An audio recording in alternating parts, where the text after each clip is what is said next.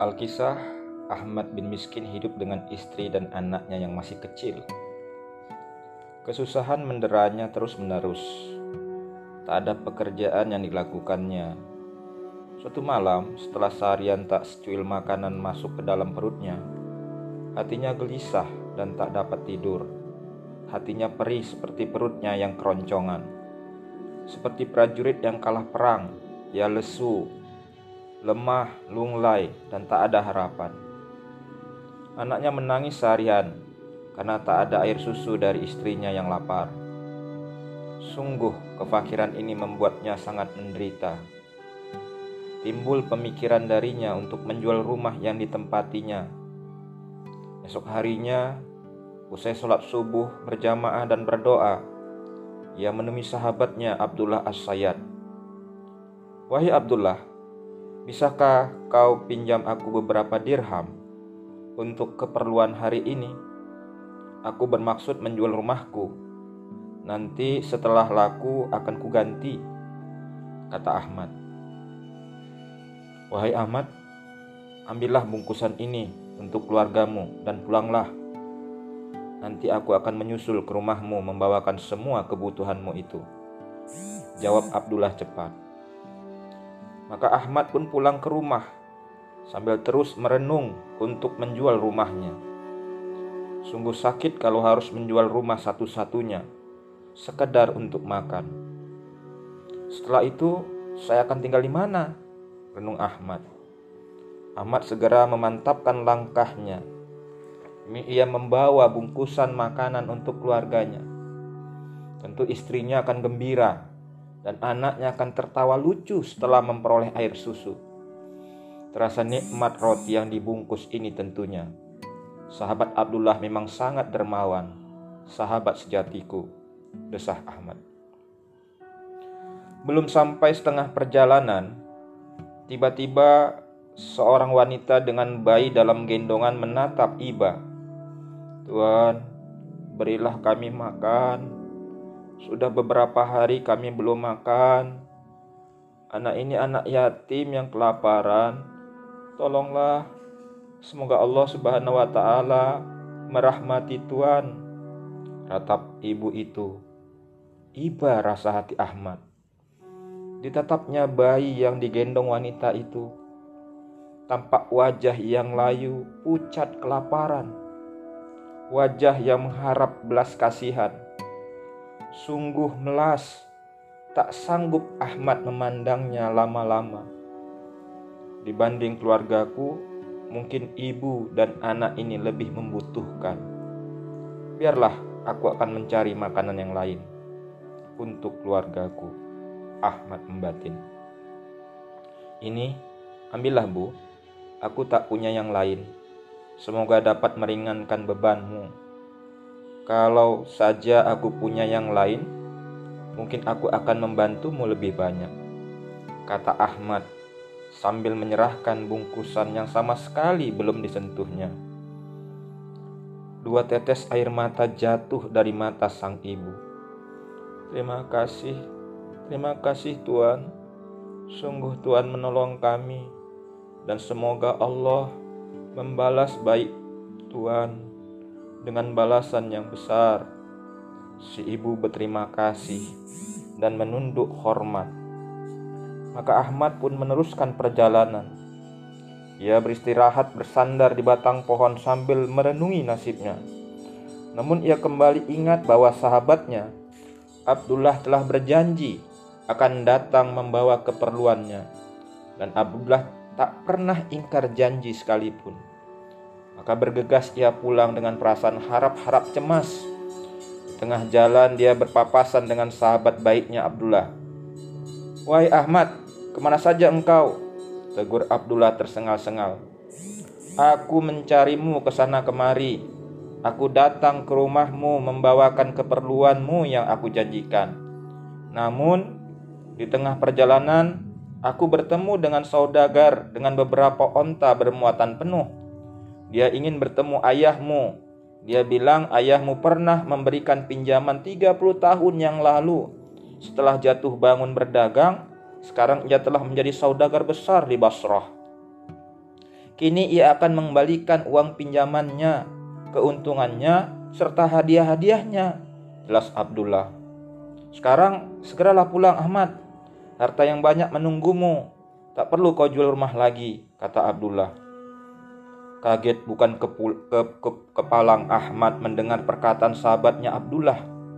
Sungguh ia tak percaya dengan perkataannya itu. Benarkah Abdullah? Benarkah?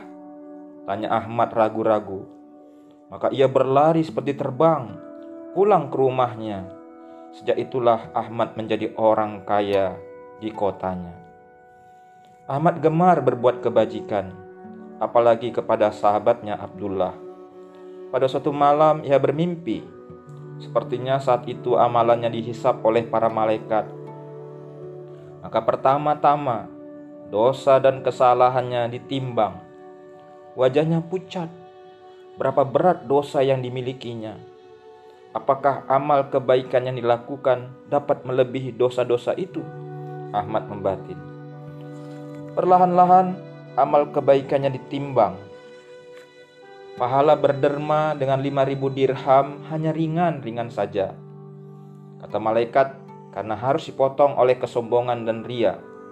Demikian seterusnya ternyata seluruh amalannya tetap tak bisa mengimbangi beratnya dosa yang ia lakukan. Ahmad menangis. Para malaikat bertanya, "Masih adakah amal yang belum ditimbang?" "Masih ada," kata malaikat yang lain. "Masih ada, yakni dua amalan baik lagi." Ternyata salah satunya adalah roti yang diberikan kepada anak yatim dan ibunya. Makin pucatlah wajah Ahmad Mana mungkin amalan itu dapat menyimbangi dosa-dosa yang berat, keluhnya. Malaikat pun sibuk menimbang roti itu.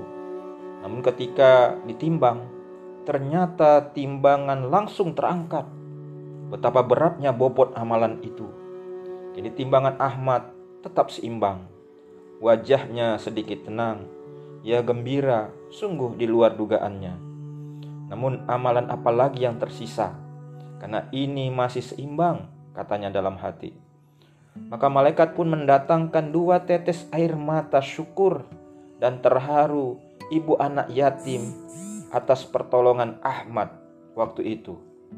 Ahmad tak menyangka kalau tetesan air mata ibu anak yatim dinilai dengan pahala untuknya.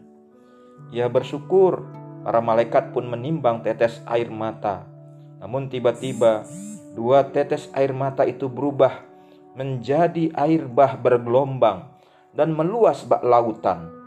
Lalu dari dalamnya muncul ikan besar. Kemudian malaikat menangkap dan menimbang ikan itu yang disetarakan dengan amalan baik Ahmad. Ketika ikan menyentuh timbangan, maka seperti bobot yang sangat berat, timbangannya pun segera condong ke arah kebaikan. Dia selamat, dia selamat terdengar teriakan malaikat. Gembiralah hati Ahmad.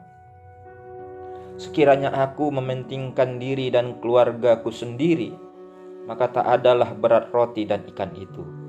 Ahmad termenung. Anak yatim dan ibunya itulah yang telah menyelamatkan dirinya. Ahmad terbangun dari mimpinya. Sebuah kisah yang sangat aspiratif sekaligus menggugah kita di bulan suci ini untuk selalu berbagi dan ikhlas dalam memberi.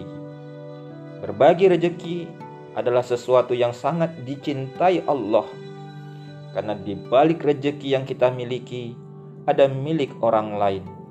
Mudah-mudahan kita menjadi Ahmad-Ahmad yang lain.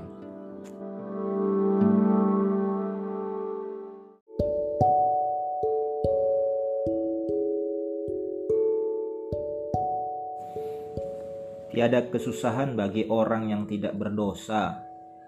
Tiada penderitaan bagi orang yang tidak durhaka. Dan tiada kesedihan bagi orang yang tidak melakukan keburukan. Inilah jawaban yang diberikan seorang pemuda miskin yang bekerja sebagai kuli pikul di salah satu pusat pasar di zaman Al-Ma'un yang termasuk kekhalifahan Abbasiyah ketika putra mahkota Ali bin Al-Ma'mun memanggilnya. Sebagai seorang putra mahkota, Ali bin Al-Ma'mun hidup dengan segala kemewahan. Ia tidak pernah merasakan lapar dan haus. Pakaian terbuat dari sutra yang indah. Apa yang ia minta selalu tersedia. Suatu hari, ketika ia duduk di balkon istana, ia menatap keramaian yang ada di bawah istana orang tuanya. Di keramaian tersebut, ia melihat seorang anak muda yang seusia dengannya. Sang putra mahkota tidak pernah berpaling menatapnya. Hingga tahulah ia, anak muda itu bekerja sebagai seorang kuli pemikul. Ia membawa barang bawaan dan meminta upahnya. Ia sangat rajin dan senyum selalu menghiasi wajahnya. Di sela-sela kesibukan mencari makan, si pemuda mengistirahatkan dirinya bukan untuk berehat diri, tapi pergi ke sungai dan berwudhu melaksanakan sholat duha. Hal yang sama dilakukannya saat tengah hari. Ia berwudhu dan melaksanakan sholat zuhur. Selesai itu, ia membeli roti dan memakannya, kemudian beristirahat, memejamkan mata barang sebentar. Lalu, setelah rasa lelah dan penat hilang, ia kembali bekerja hingga mencapai waktu asar dan membeli roti untuk ia bawa pulang ke rumah.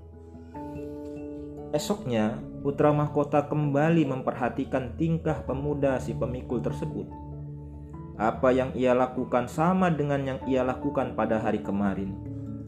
Hingga hari keempat, lalu putra mahkota menyuruh pengawal untuk memanggil pemikul tersebut.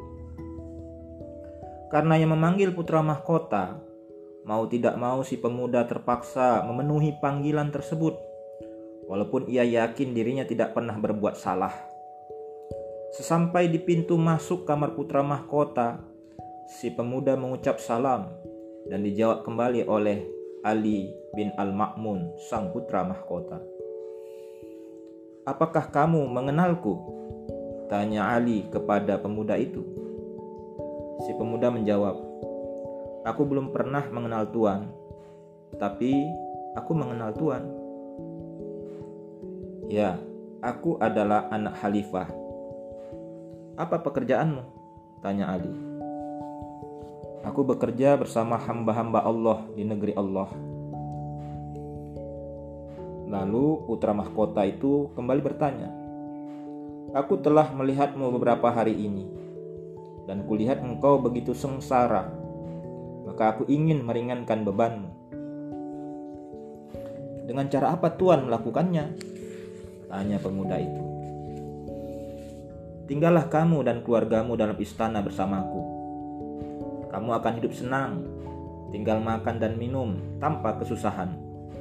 Ujar putra mahkota tersebut. Lalu apa jawaban pemuda itu? Tiada kesusahan bagi orang yang tidak berdosa. Tidak ada penderitaan bagi orang yang tidak durhaka, dan tidak ada kesedihan bagi orang yang melakukan keburukan. Cerita Ali bin Al-Ma'mun masih berlanjut, tetapi saya hanya membatasi sampai jawaban yang diberikan pemuda miskin itu. Sepintas, jawaban yang ia berikan itu tidak berkesan tapi sesungguhnya memiliki makna yang cukup dalam. Walaupun dari sisi keseharian, pemuda miskin itu bekerja banting tulang, tidak mengenal waktu, tapi hatinya tidak merasa susah karena ia tidak melakukan dosa. Begitu juga jika merasa bahwa laki-laki miskin itu menderita karena harus membawa pikulan yang cukup berat dari bawaan pelanggannya. Sesungguhnya tidak demikian ia tidak pernah menderita karena baginya penderitaan adalah kedurhakaan kepada Allah Subhanahu wa taala. Dan ia juga tidak pernah merasa bersedih karena kehidupannya tidak semewah orang lain. Karena baginya kesedihan hanya diperuntukkan bagi orang yang melakukan keburukan. Lalu coba kita introspeksi diri. Apakah hidup kita senang atau susah? Padahal kita dikelilingi oleh harta yang banyak, Lalu apakah kita sering merasa menderita dan sedih? Bagi pemuda miskin tersebut, harta bukanlah segalanya. Tawaran yang diberikan putra mahkota agar ia hidup seperti dirinya ditolak dengan halus. Karena kebahagiaan bukanlah dinilai dengan kemewahan, tetapi lebih dari itu, yaitu kasih sayang Allah kepada dirinya. Jika Allah memberikan kasih sayangnya, tidak ada harta yang melebihinya. Subhanallah. Akankah kita seperti pemuda tersebut yang menolak dari kemewahan atau sebaliknya menerima kemewahan? Kita sendirilah yang tahu. Kewajiban puasa juga demikian. Bukan berarti kita dilarang untuk makan dan minum serta seterusnya, tidak. Allah hanya mewajibkan puasa selama satu bulan dan ia membebaskanmu pada bulan-bulan selanjutnya. Apakah dengan hanya berpuasa selama satu bulan itu kita menderita? Tidak. Toh kita tidak disuruh untuk puasa selama satu hari satu malam. Kita hanya disuruh puasa dari terbit fajar hingga terbenam matahari. Maka sebenarnya kalimat tiada kesusahan bagi orang yang tidak berdosa, tiada penderitaan bagi orang yang tidak durhaka, dan tiada kesedihan bagi orang yang tidak melakukan keburukan cocok untuk kita terapkan dalam kehidupan sehari-hari. Kita tidak akan susah gara-gara berpuasa, tapi susahlah kita karena tidak berpuasa. Kita tidak akan menderita karena berpuasa, tapi kita akan menderita karena kewajiban yang diperintahkan Allah kita abaikan. Dan kita tidak akan sedih karena berpuasa, karena sesungguhnya kesedihan hanya akan timbul bagi mereka yang meninggalkan puasa tanpa sebab. Mudah-mudahan ini memberikan hikmah dalam hidup dan kehidupan kita. thank you